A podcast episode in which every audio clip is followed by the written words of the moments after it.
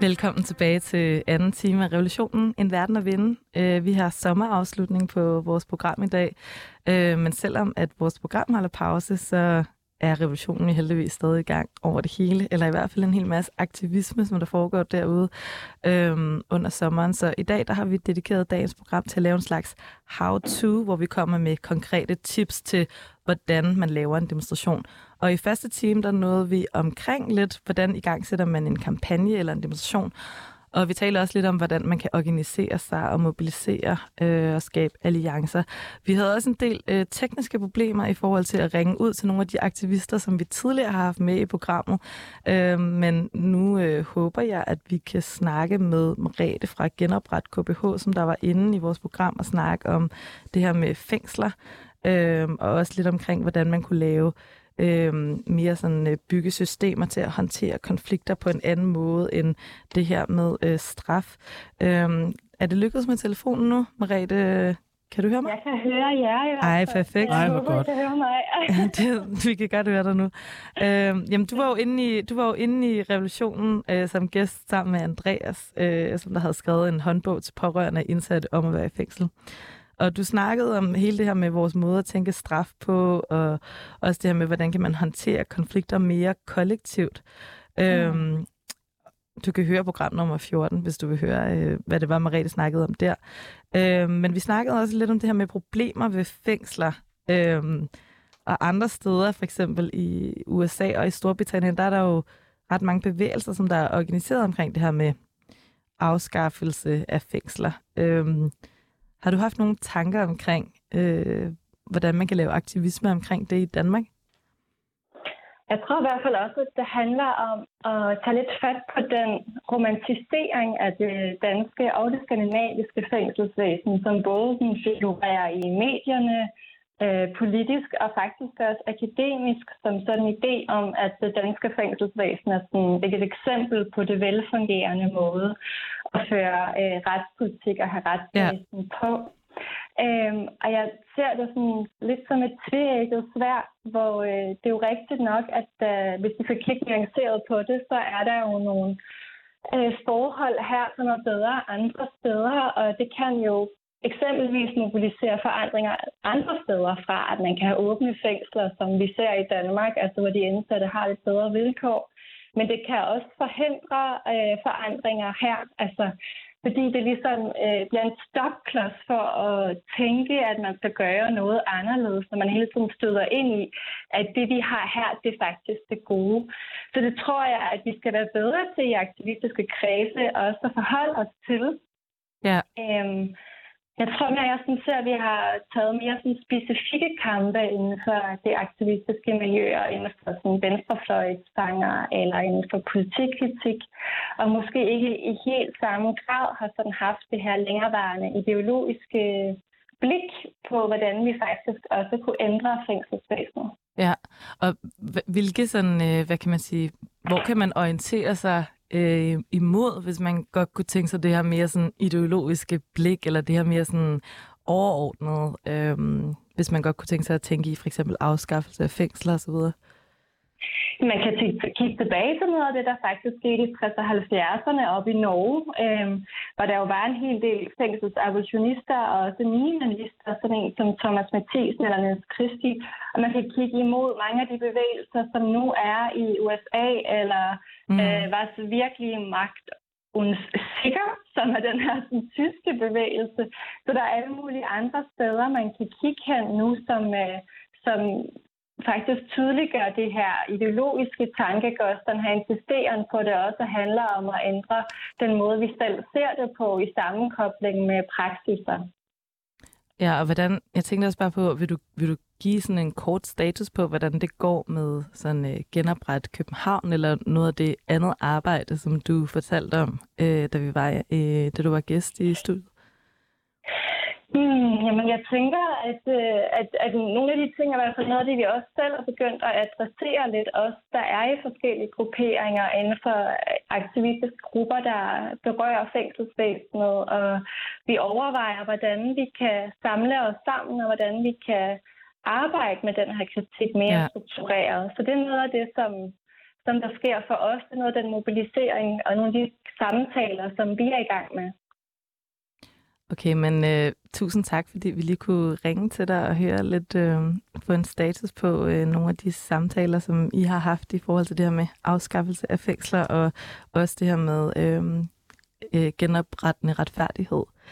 Uh, mm. Jeg glæder mig til at følge jeres arbejde. Uh, du kan blandt andet gå ind på Genopret Københavns hjemmeside, uh, og hvis du skal høre programmerne, så hedder de, uh, så er det program nummer 14. Uh, Tak fordi vi måtte ringe til dig, Marita, og beklager al forvirringen, hvis du øh, var igennem okay. hver.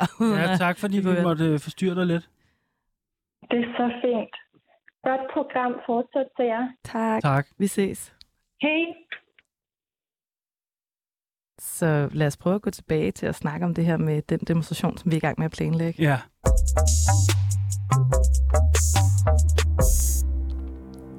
I første time, der snakkede vi lidt om det her med, at man skal have en anledning til at kunne lave en demonstration, øh, og det kan være en politisk anledning eller noget aktuelt, som der er sket.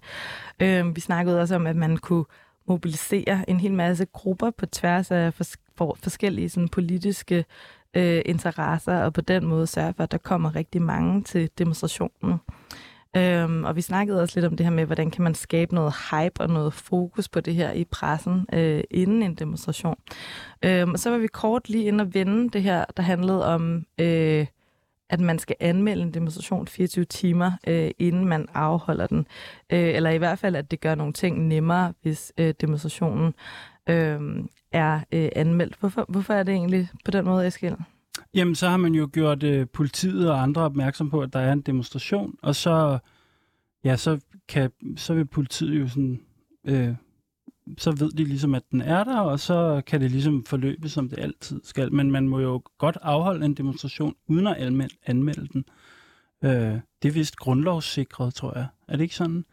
Øh, så, så det her med at anmelde en demonstration er typisk noget, man gør, fordi så, har, så er der ligesom så er den ligesom i bogen hos politiet, og så kommer de ligesom og kan guide ind gennem byen, eller hvad det er.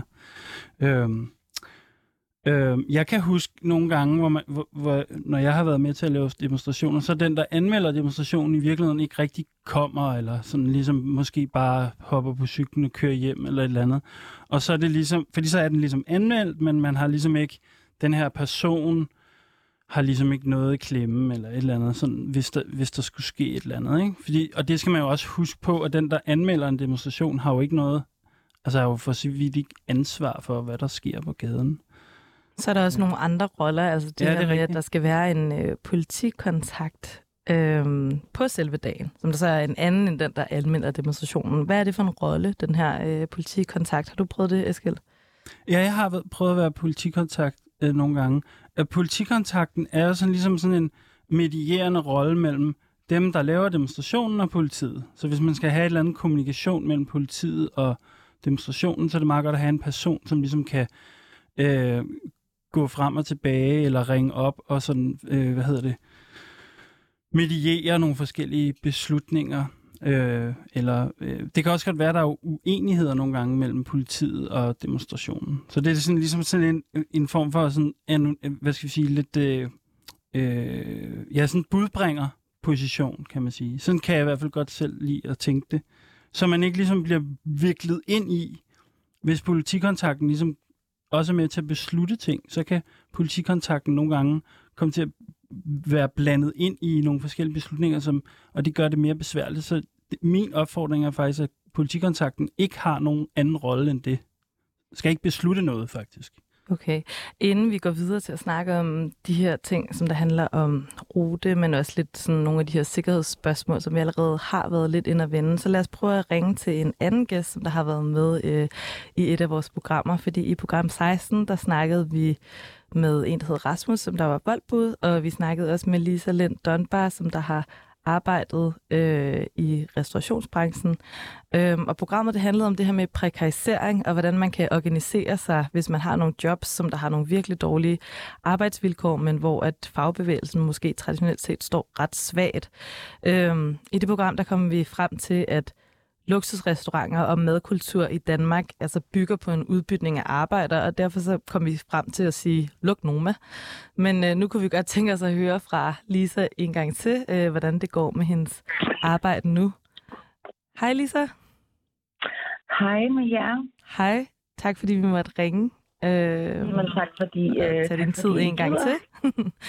øh, jeg tænkte bare på, om du vil fortælle lidt om, hvilken udvikling, som der har været for, for dig og dit arbejde øh, med at sætte fokus på den her udbytning i den danske restaurationsbranche, som du også fortalte om, da du var inde i studiet?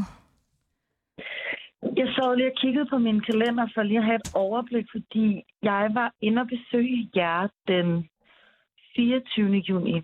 Okay. Og øhm, det, der sådan set skete umiddelbart efter det, det var, at Financial Times udgav eller den 24. maj, mener jeg. Ja, præcis. Jeg stod også og tænkte, det var meget Sorry. kort tid siden. Nej, det er okay. Ja, nej, det er mig, der brøvler. Det, det er jo den 24. maj. Ja. Og så er det øh, et år nu efter, den 2. juni, at øh, Financial Times udgav en øh, ret omfattende, større artikel, hvor øh, de ligesom kunne øh, afsløre og dokumentere meget af det, min kritik er gået på. Netop den her systematiske udnyttelse af gratis arbejdskraft, som særligt de finere restauranter benytter sig af, øh, og sådan benytter som en måde at lægge over på folk, at hvis de er ambitiøse og ønsker at være en del af det højere luftlag i restaurationsbranchen, så skal de også arbejde gratis. Så det har været, øh, det har været en ret stor milepæl, fordi at en del af min kritik jo også går på, at de danske medier ikke rigtig har taget det her problem alvorligt. Øhm, samtidig med, at det egentlig er en branche, de promoverer og reklamerer ja. for, så øh, stiller de ikke rigtig kritisk på, hvilke arbejdsforhold, der eksisterer i samme branche. Ja. Så det har været, øhm, det har været stort at få Financial Times med på det. Altså, mm. og, øhm, og også artiklen var så kritisk, som den var, og at artiklen også satte navn på mange steder, blandt andet Noma. Ja, så det var meget sådan konkret, øh, at den pegede på forskellige steder, som der kunne tage et større ansvar. Jeg så også noget med, at du skulle i, var det Godmorgen Danmark? I det skulle dag? jeg have været i dag. Ja, okay. Men, Men hvad, handlede, af, hvad handlede det om?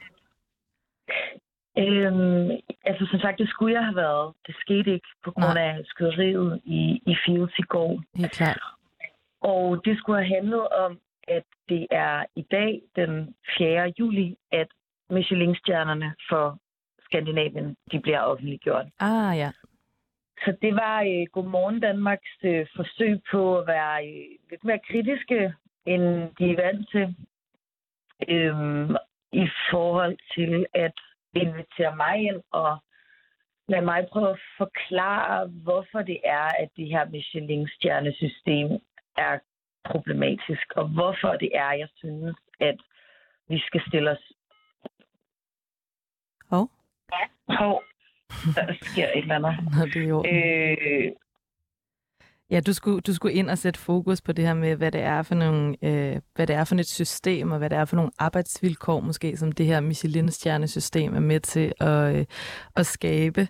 Øh, jeg tænkte på, om du også ville sådan sætte et par ord på, hvad du, hvad du håber, at fremtiden byder på i forhold til det her område, eller hvad, hvad du ligesom har planlagt at skulle videre med nu? Hov? Nej, jeg tror måske, vi har mistet hende. Ej, det var utroligt med det her. Ja, men hvad nu det hedder det? Du kan i hvert fald høre øh, et de programmer, hvor at Lisa øh, taler om den her udbytning inden for restaurationsbranchen i det program, som vi har lavet, der handler om prekarisering, som der blandt andet hedder Luk Noma, skab luksus uden udbytning, og du kan følge Lisas arbejde på Instagram, øh, Lisa Lind Dunbar. Øh, så tak fordi vi måtte ringe til dig, Lisa. Jeg håber, du er okay, selvom din telefon måske øh, gik ud. Vi skulle lidt hjemsøgt af tekniske problemer i dag. Nå, vi, vi, øh, vi skal jo videre med, det, med, de her, med den her diskussion om, øh, eller det er jo ikke en diskussion, det er en how, vi prøver at lave en how-to-guide. Er det rigtigt? Jo, der hvor vi sluttede, det var det her med, at der skulle være en politikontakt, som der er den, der formidler øh, politiets meddelelser under demonstrationen til øh, arrangører og andre roller. Øh, man skal også beslutte, om man vil have en gående demonstration eller ej. Altså skal der være en rute, øh, eller skal man bare starte med at samles et sted, hvor man tænker, det giver mening i forhold til temaet. Vi snakkede om det her med øh, ghetto-loven og prøve at lave en demonstration, som der havde fokus på det. Så kunne man jo eventuelt mødes ved Boligministeriet, eller man kunne lave en demonstration, som der gik hen til det boligselskab, som der administrerer Møllerparken, og som der har besluttet øh, det er en god idé. at lave et frasalg. Øh, Bovita, øh, jeg tror, de ligger i Klostrup eller et eller andet. Okay, ja. øhm, så det er noget med det her med at prøve at finde en lokation, som der, som der giver mening, ja. øh, og som der enten kan give noget synlighed, hvis man kunne tænke sig at lave sådan en stort anlagt demonstration, som der især har fokus på øh, presse og synlighed, så er det også ret tit en god idé at gøre det inde i byen, øh, fordi det er, hvad kan man sige, nemmere på en eller anden måde. Øhm. Det kan også være, at man har nogle venner, som man ved bor et særligt godt sted, hvor man kan lave et eller andet, øh, et, kaste et banner ud af vinduet. Eller der kan være mange ting, som ligesom gør, at man ligesom går, øh, at ruten er på en særlig måde. Men jeg synes, at, jeg synes, at det er sjovest at komme ud og gå. Har du ja. det ikke også sådan? Jo, også jeg tror, jeg synes også, det giver noget energi og noget sådan ja, det kan være sjovt, det der med at gå igennem byen og være en følelse af, at man er mange mennesker, som der går sammen, ja. og der er flere, som der ser en, og det, man laver. Øhm, der er også nogle andre ting, som man kan forholde sig til. Altså, vi var lidt inde på det, altså det her med, sådan, hvad er ens rolle i forhold til myndighederne, altså i forhold til politiet. Øhm, og det er jo også det her med, jamen, hvis man skal lave en, en civil ulydighedsaktion, eller hvis man skal gøre noget, hvor man på en eller anden måde kunne forestille sig at komme i konfrontation med politiet, så kan der jo også være øh, en risiko for, at man kan blive anholdt. Øh, det kan også være, at man ikke bliver anholdt, men at man bare får registreret sit navn og sit CPR-nummer, så politiet ligesom kan holde øje med, om man er en, som der har gjort sådan nogle ting før, og man kommer til at, hvis man gør det igen på et andet tidspunkt. Øh, og jeg tænkte, måske giver det ikke så meget mening, at vi går alle de her spørgsmål, der handler om rettigheder, igennem, og hvordan demonstration, demonstrationer, øh, hvad der sker, hvis en demonstration bliver erklæret for ulovlig eller bliver opløst. Men man kan gå ind på øh, den hjemmeside, som der hedder abc-kbh.dk, og de har nogle materialer, øh, hvor man blandt andet kan se, hvad der sker, hvis man bliver øh, anholdt. Ja, skal vi ikke gå videre til det der med, hvad, hvad for nogle elementer, der ellers er i en øh, demonstration? Jo. Altså, øh, fordi jeg, jeg tænker, altså, øh, det er jo godt at være en hel masse, hvis man skal lave en stor demonstration. Så det er godt at være en masse, fordi der er en masse funktioner faktisk, som, øh, som, som ligesom, altså, dengang jeg lavede demonstrationer, var der mange runnere. Som, og det var ligesom nogen, som ligesom på en eller anden måde sådan, øh, sørger for, at at øh, demonstrationen ligesom går den rigtige vej, og har, hvor der, at der er kommunikation mellem forenden af demonstrationen og bagenden af demonstrationen. Og især hvis man, hvis man vil lave en demonstration, som på en eller anden måde har et eller andet spektakulært, eller lidt vildt, eller øh, hvad ved jeg, er ulovlig, eller et eller andet, hvor man, hvor man har en fornemmelse af, at man måske kan komme i en konfrontation med politiet, så er det meget vigtigt, at, man, at, at der er enormt god kommunikation i, øh, i demonstrationen. Så dem, der for eksempel ikke har lyst til det, ikke øh, bliver en del af det. Øhm, øh, ja. Har du, har, du, har, du, har, har du nogle erfaringer med det her? Hvor mange, hvor mange runner tænker du, der skal være i en demonstration? Øhm, måske 10. Så det betyder lidt uanset hvor mange mennesker, som der kommer til en demonstration, så gør det ikke rigtig noget, sådan, hvor mange, hvor mange runner der skal være. Øh, nej, altså hvis den er meget stor, skal man selvfølgelig, men, men, men det, nej, det, altså man skal heller ikke gøre det værre, end det er, eller sådan. Øh, noget, jeg har tænkt over, det er jo det her med, at, at, øh, at øh, de demonstrationer, jeg har været i for nylig, der er der det her med, har du set det, Laura? Der, der er det her med, at man, der er nogle af de her demonstrationsrunner, eller dem, der er med til at lave den, som ligesom har en vest på. Ja, der er øh, Ja, Altså, øhm, og jeg tror, jeg tror egentlig, jeg, jeg forstår godt, hvorfor de har det. Altså, det er sådan ligesom en måde for at prøve at synliggøre, at der er nogen, der ved noget om, hvordan den her demonstration skal foregå. Øhm, så det er jo en mulighed, det kan man jo gøre sådan, at synliggøre de der personer der, de ved ligesom, hvor vi skal hen, eller hvis man er utryg, eller hvis der er nogen, der ligesom ikke ved demonstrationen det godt, så kan man ligesom gå hen til dem, eller de har ligesom et eller andet ansvar for at få det afviklet, eller... Hvad er Øh. pointen med dem? Altså, Nå, men uh, jo, at det er bare, det, det, de demonstrationer, jeg gik i før i tiden, var, fandtes det ikke. Der var ligesom ikke, dem, den, jeg har altid forbundet det med sådan noget fagforeningsdemonstrationer, sådan, og, hvor, det, hvor det ligesom, øh, da jeg var yngre, var jeg sådan faktisk næsten lidt imod den her, fordi det var sådan noget, at der var nærmest vagter til demonstrationen. Øh, jeg kommer bare til at tænke på det, at, på, at det er, lidt, det er lidt, et lidt anderledes element, end da jeg, da jeg var med til at lave demonstrationer. Øh, øh, som måske også har, har at gøre med, at øh, demonstrationer er noget andet i dag, end det var dengang, og der er sket en hel masse ting. Jeg, jeg kommer i hvert fald også bare til at tænke på, at hvis man ikke har nogen, som der er synlige i forskellige roller, så, så hviler det også på en eller anden måde lidt på, at man ved sådan, hvem der gør hvad på en eller anden måde. Øh, måske at man allerede øh, kender hinanden, eller har lavet Ja. ting sammen før. Eller...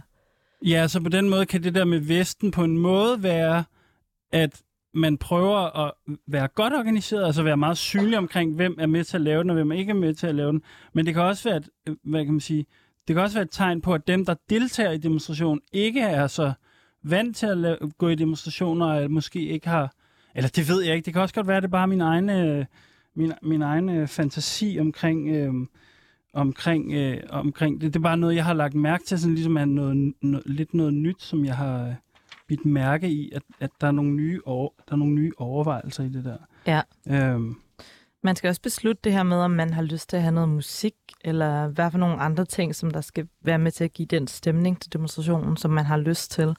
Øhm, altså, der er jo flere sådan, fordele og ulemper ved det der med musik. Altså, det kan både være med til at skabe gejst og den stemning, som man har brug for. Øhm, men der er jo også det her med, at nogle, nogle demonstrationer, som der har været for eksempel i forhold til det her med sådan udrejsecenter, Sjælsmark, hvor folk er sådan øh, indsat og har nogle bestemte vilkår, som de frygtelige vilkår, som de lever under, fordi at de har fået afvist deres asylsager.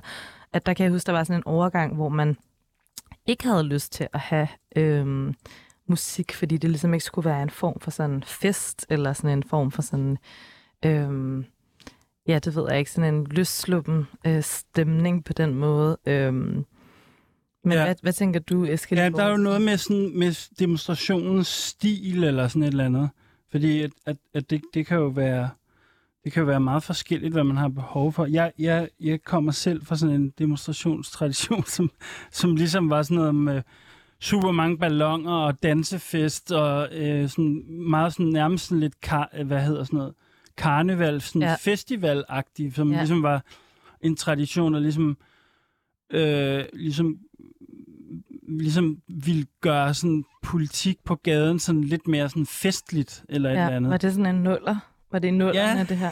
ja, det kan godt være. Ja. Jeg forbinder det meget med en 1. maj-tradition, som var den her Euro Mayday, som var sådan ligesom en, som, som var en type 1. maj-demonstrationer, som blev holdt i sådan et, et, et, et netværk, som var en faktisk nogle af de første aktivister, der satte det her begreb prekarisering på dagsordenen, men som var en sådan en særlig, øhm, det var en særlig 1. maj demonstrationsstil, som ligesom prøvede at gøre det lidt mere sådan lyserødt og fresh at gå til 1. maj demonstrationer igen, ja. Efter at der ligesom havde været sådan lidt en... Så det var igen det der med koblingen til fest på en eller anden måde, og sådan det der med at være på gaden på nogle andre måder. Øhm, jeg kommer også til at tænke på, at måske man kan høre vores program, hvor vi snakker om musik og musik til revolutionen, hvor at vi også taler lidt om de her gadefester, og hvad musikkens Nå ja. øh, funktion er, øhm, var til dem. Øhm, med det her spørgsmål om musik og stemning og sådan noget, der er der også noget, der handler om kampråb, øhm, og hvad det er for nogle ja, paroler og kampråb, som der skal være til selve øh, demonstrationen. Og der kan man jo både bruge nogle kampråb, som der allerede eksisterer, hvor man tænker, den, det her politiske, øh, budskab, det passer godt i tråd med det, vi laver, og man kan samtidig prøve at skabe nogle forbindelser til historien, men man kan også prøve at udvikle nogle, nogle nye, sådan, særligt øh, til anledningen. Jeg, jeg kan personligt ret godt lide kampråb, og der er en plan for, hvordan at der er mange kampråb i demonstrationer, mm. fordi at jeg føler rigtig meget, at i, i Danmark, i modsat andre steder, jeg har været, der er folk rigtig stille og bare går sådan og er meget generede, og der er ikke nogen, der tør at starte et kampråb eller råbe med. Øhm, og det er jo også noget, igen, når det er, man, hvis man sætter musik på, så, så bliver det også lidt mere sådan en, så kan man måske heller ikke råbe så mange kampråb ned. Nej, det er rigtigt nok. Man er bare nødt til at gå og ja. være sådan øh, glad. På ja. Noget. Ja, det, der er lidt nogle forskellige stemninger, der, som man ligesom, øh, hvad kan man sige, er med til at skabe på gaden, når man laver demonstration. Jeg har altid haft det svært ved kampråb. Jeg er sådan en, der råber kampråb, øh, hvis jeg ligesom mister besindelsen. Okay, ja. Eller sådan, jeg ved ikke. Ej, jeg, jeg, øhm, jeg synes, kamp, jeg synes, det er svært med kampråb. Jeg synes ligesom, vi skal komme ud af... Øhm, jeg kan ikke gøre det med intention, tror jeg. Eller det gør jeg nogle gange alligevel, når jeg går i en demonstration, hvis der ligesom er for stille eller et eller andet. Men jeg har det faktisk lidt, lidt svært med kampråb. Jeg ved ikke... Øh, hvordan har du det? med det? Jeg kan altså... ret godt lide det. Nå, altså, okay. sådan, jeg synes, det, det er, ret, er ret meget med til sådan at skabe gejst på en eller anden måde, og også gøre sådan, give måske lidt en følelse af, at man ikke bare går sådan en søndagstur. Ja. Øhm, men ja, der er Ej, jo alle er mulige, jo alle mulige følelser omkring det. Øhm, men i forhold til vores øh, demonstration, som vi skal lave, der handler om det her med ghetto-loven, så kunne man jo udvikle nogle kampråb, som der for eksempel øh, handlede om ja, ghetto-loven, eller Socialdemokratiet, eller forbindelser til tidligere kampe øhm, i historien. Vi mangler lidt nogle kampråb mod Socialdemokratiet. Ja. Det, vil, det kunne vi faktisk... Hvis man har nogen derude, så kan man sende dem på mail. Det er en god... Dem skal vi altså... Det skal vi, det skal vi have udviklet lidt på. Lad os prøve at gå lidt videre og se, om vi kan øh, få en øh, beretning fra en anden øh, tidligere gæst og aktivist, som vi har haft i studiet. Ja. Og nu skal jeg måske bare lige fortælle, at øh, det kan faktisk godt være, at øh, Oscar fra Extinction Rebellion, som der var inde i vores program 7 og fortælle om klimaaktivisme, ikke tager telefonen. Nu prøver vi, ikke? Så hvis du lige venter et øjeblik Nå. med at prøve, fordi så kan jeg måske lige fortælle, at Jamen tilbage i marts, så snakkede vi jo om det her med, hvad er fremtiden for klimaaktivismen, og nu har vi vundet den grønne dagsorden. Vi planlægger også en aktion ved en rørledning, og også fortalte fortælle om Extinction Rebellion, og om noget, der hed Vendepunktet i maj. Så det, jeg havde tænkt, jeg ville spørge om, det var, hvad, hvordan gik det med det? Altså sådan, de skulle, Extinction Rebellion skulle lave en masse aktion. Men Oscar har også skrevet på en mail, at han er til en klimaaktion i Berlin. Så derfor har han skrevet en øh, beretning sådan på skrift, hvor han prøver at fortælle øh, om nogle af de her ting, som vi havde tænkt at snakke med ham om. Så det kan godt være, at han ikke tager telefonen. Øh, hvis han skal til aktion, så har han måske lavet den ligge derhjemme. Men øh, hvad, hvad, hvad tænker du, Eskild? Skal vi prøve at ringe alligevel? Lad os prøve at ringe alligevel. Skal, skal jeg prøve at ringe ham op nu? Vi kan prøve at ringe, og så kan vi se, om han tager den. Ellers så kan vi så kan jeg fortælle om den mail, han har skrevet i stedet for.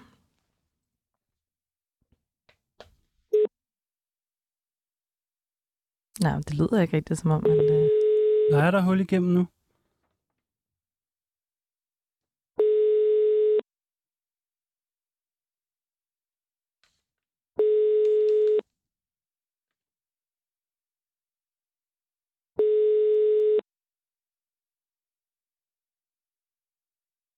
Det kan være, at han er midt i et eller andet.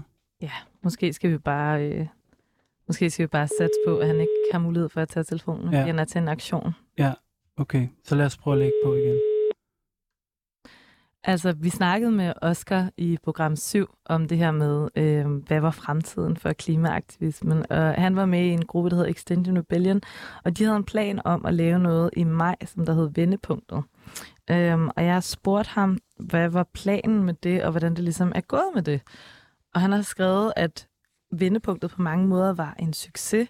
Vi var flere mennesker end nogensinde øh, til Extension Rebellion-aktioner, og vi samarbejdede med en hel masse bevægelser på en meningsfuld måde. Øh, vi fik virkelig meget medieomtale, og en del af det der faktisk, og en del af det var faktisk ganske godt. Derudover var vi en blandet flok af alle aldre og mange professioner, som gjorde, at vi ikke fik unge klimaaktivister stemplet.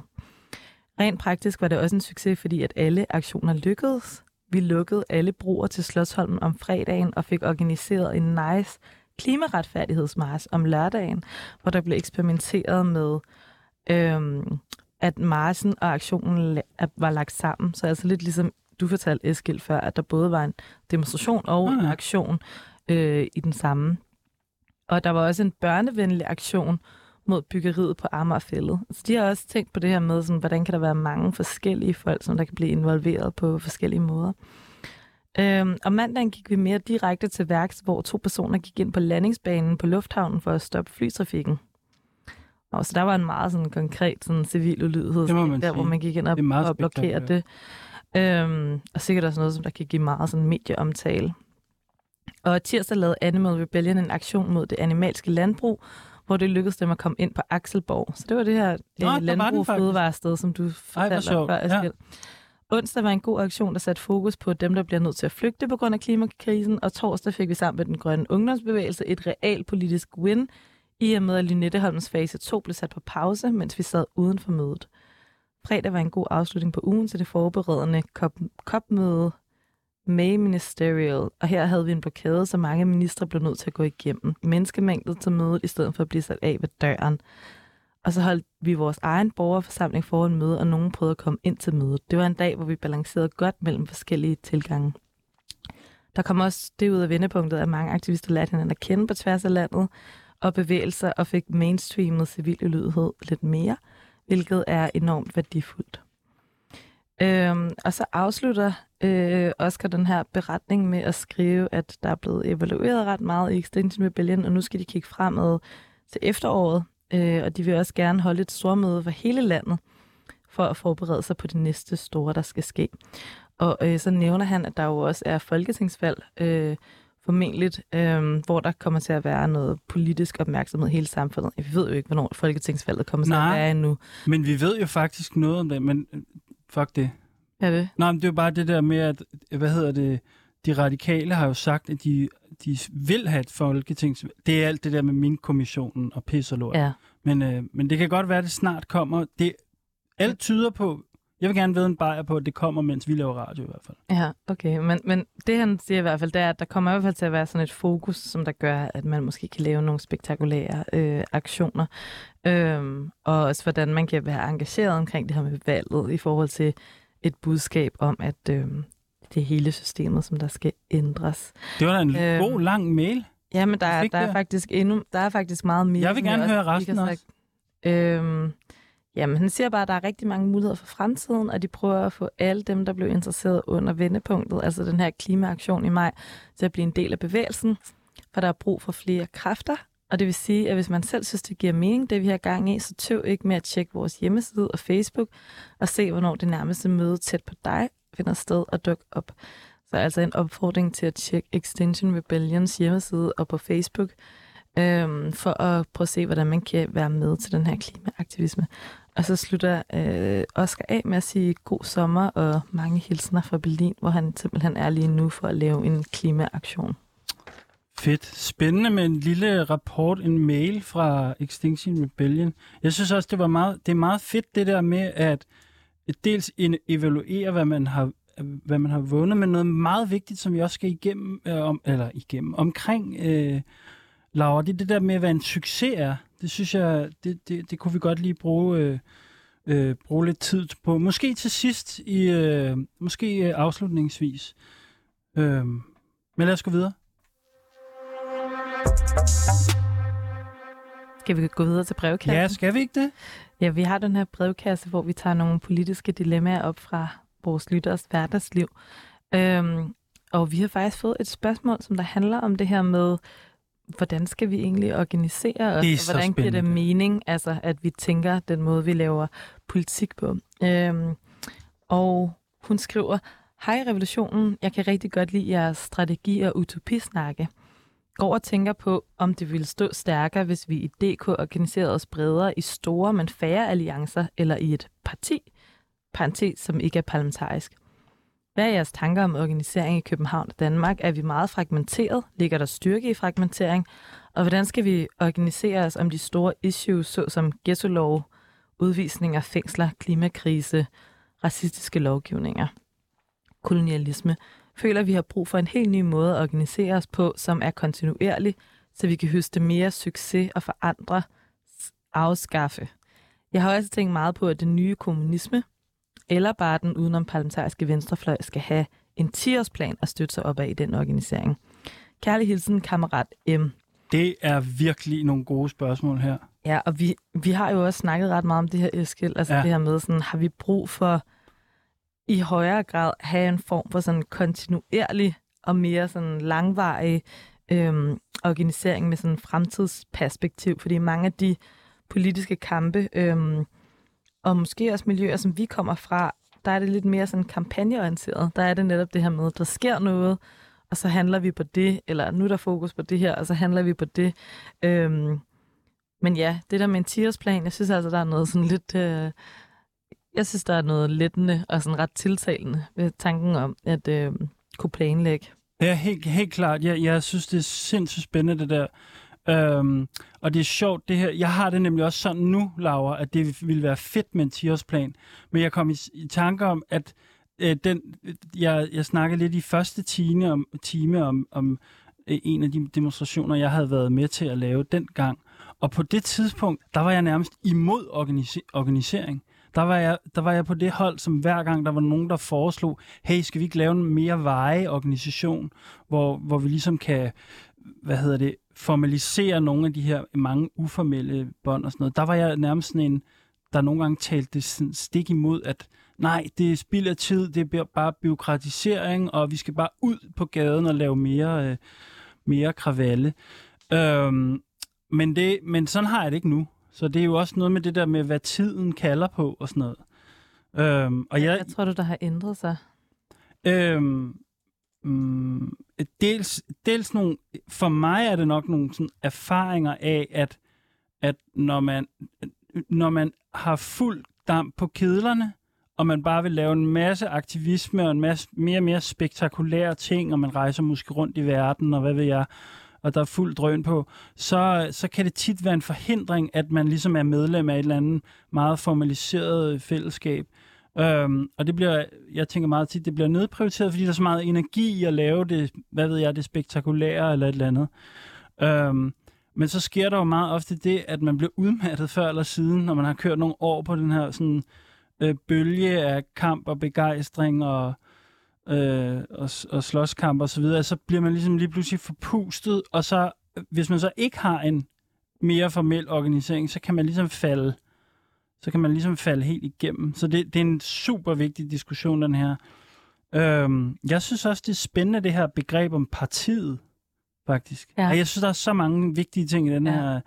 Og øhm, det er jo også noget, vi har snakket lidt om, det her begreb om partiet, Laura. Men, men især den her idé om, at partiet ikke nødvendigvis er en organisationsform, der orienterer sig mod parlamentet nødvendigvis. ja. Det synes jeg er rigtig spændende. At man kan godt lave et parti, uden at, at formålet ligesom handler om at skulle få en plads øh, for nogle mandater ja, i Folketinget.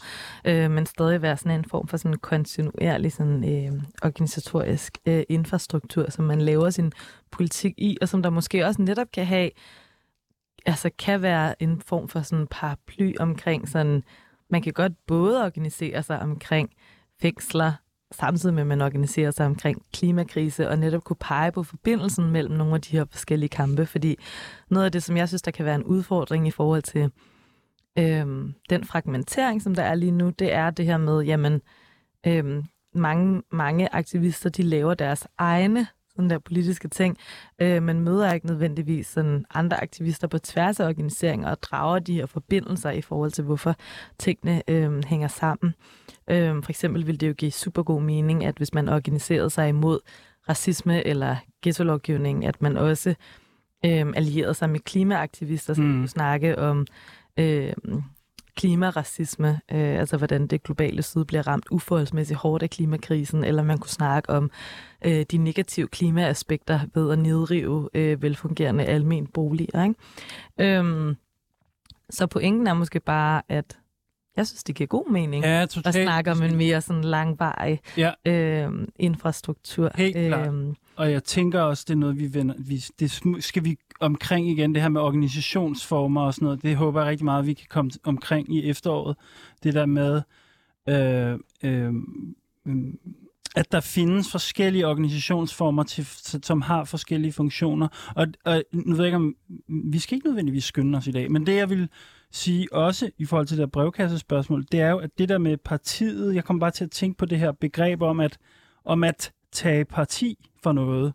Det er jo på en måde også det, partiet er. Altså det der med, og det er måske lidt abstrakt, men på en måde ikke, fordi at det er så indlysende for mig, at i, for eksempel i det her radiostudie har vi haft mange forskellige, øh, hvad kan man sige, politiske tematikker inden, og, de, og mange af de mennesker kender ikke nødvendigvis hinanden, men der er stadigvæk det der med, at man tager parti i forhold til de konflikter, der er inde i det her radiostudie, hvem er fjenderne og sådan noget. Og der tror jeg, der vil vi have en meget bred enighed blandt vores gæster for eksempel, ikke?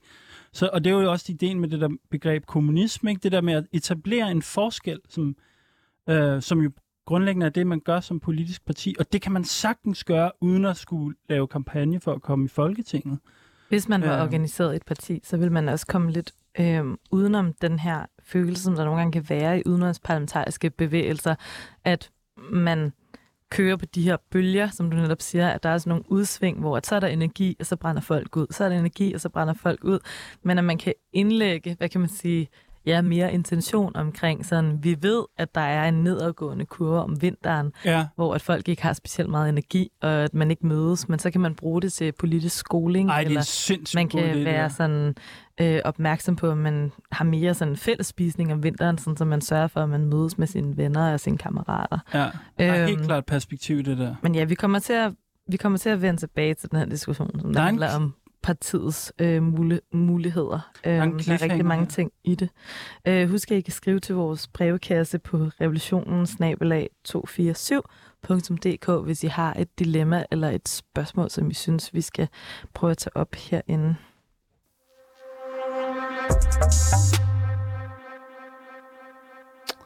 Ja, altså inden vi går videre med det her, Laura, så synes jeg lige, vi skal, vi skal altså lige vende det der med succes. Skal vi ikke gøre det nu? Altså det der med, at, at øh, når man laver sådan en demonstration, øh, som vi ligesom har prøvet at snakke frem i dag, ikke? det der med lidt, at der er nogle forskellige steps og nogle ting, man skal huske. En, en, vi har prøvet at lave en slags how-to-guide. Ikke?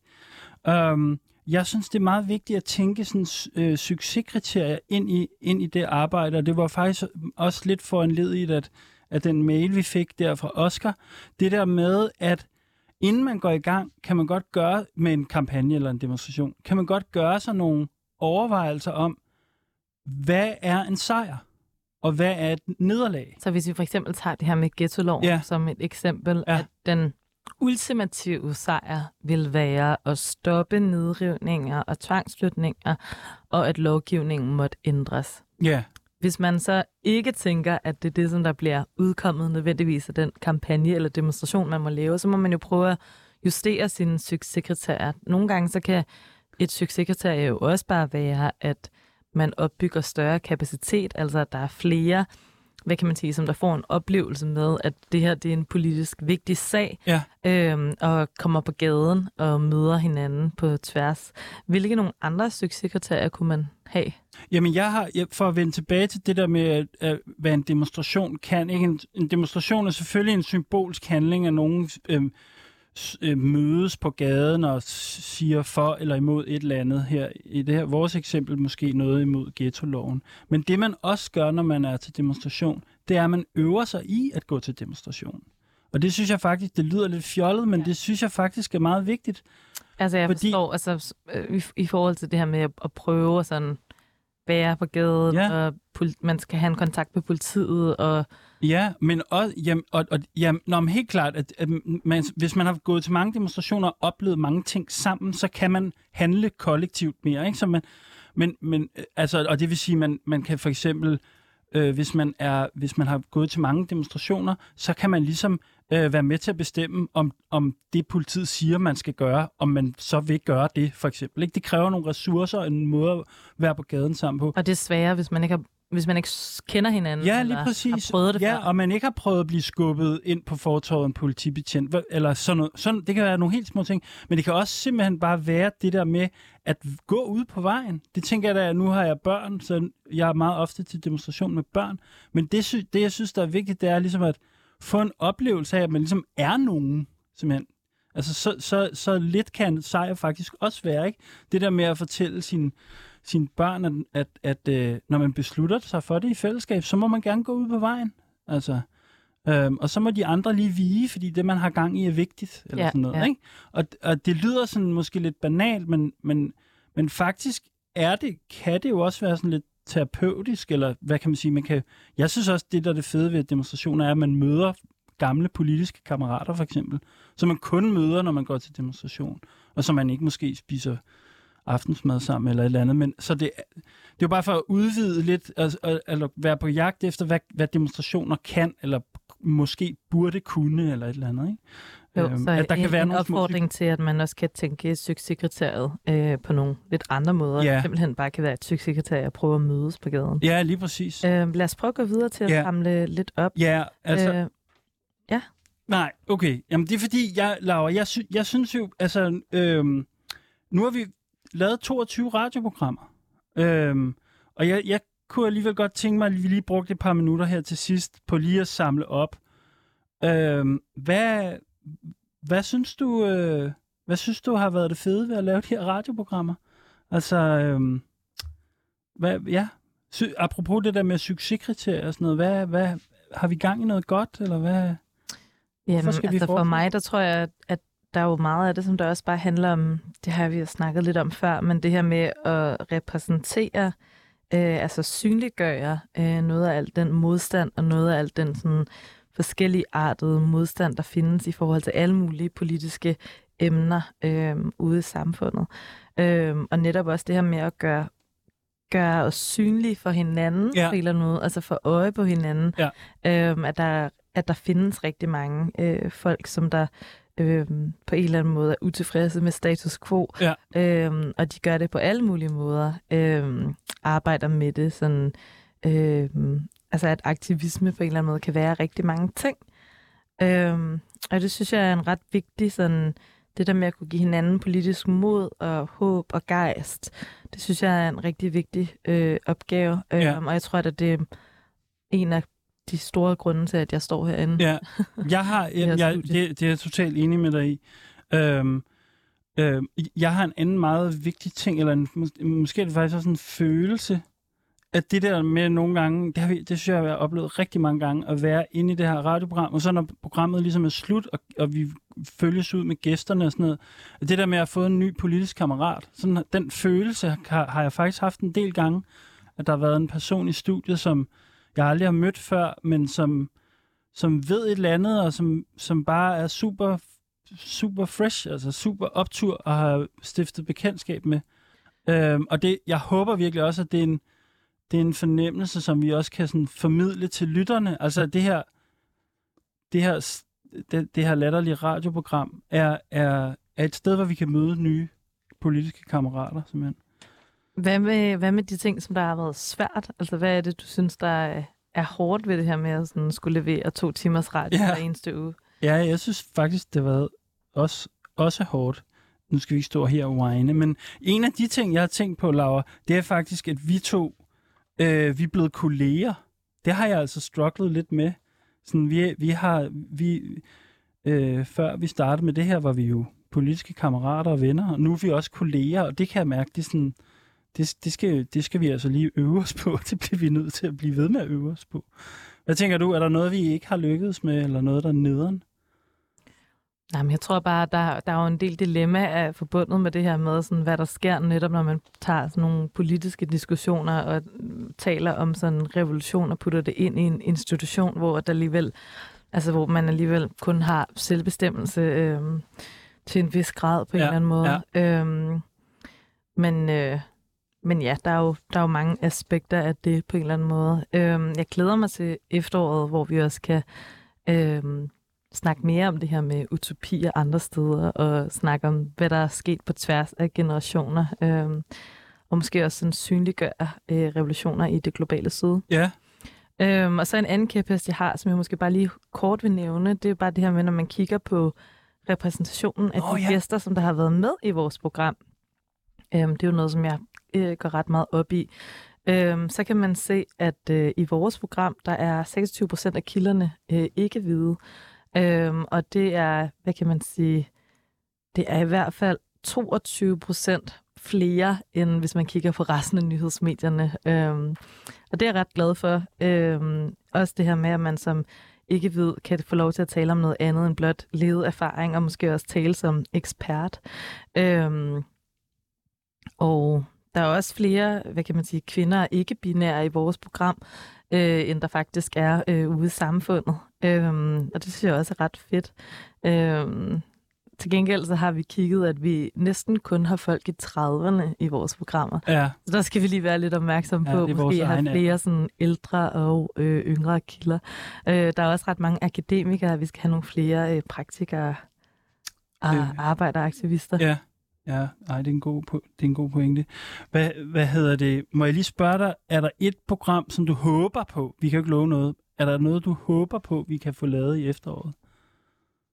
Mm, jeg synes, det kunne være ret interessant, som jeg sagde før, det her med at prøve at snakke om for eksempel feministiske kamp på tværs af generationer, eller nogle af de steder, hvor at nogle af de utopier, øh, som vi snakker om, også er virkelig gjort. Øh, det kunne jeg godt tænke mig. Øhm, jeg tænkte også på, hvis man skulle kigge på det her manifest, som vi har Ej, Ej, ja. arbejdet med løbende i alle Ja, programmerne. vi har faktisk printet har du sådan ud. et nedslag, som du tænker, du Øh, ja, gerne vil altså, fremhæve? hvad fanden var det nu? Jeg synes, jeg havde en god en. Ej, men det er stadigvæk den der... Øhm, måske har jeg nævnt det før, faktisk. Men jeg synes, det der med, at kommunismen også er, en, er noget kropsligt.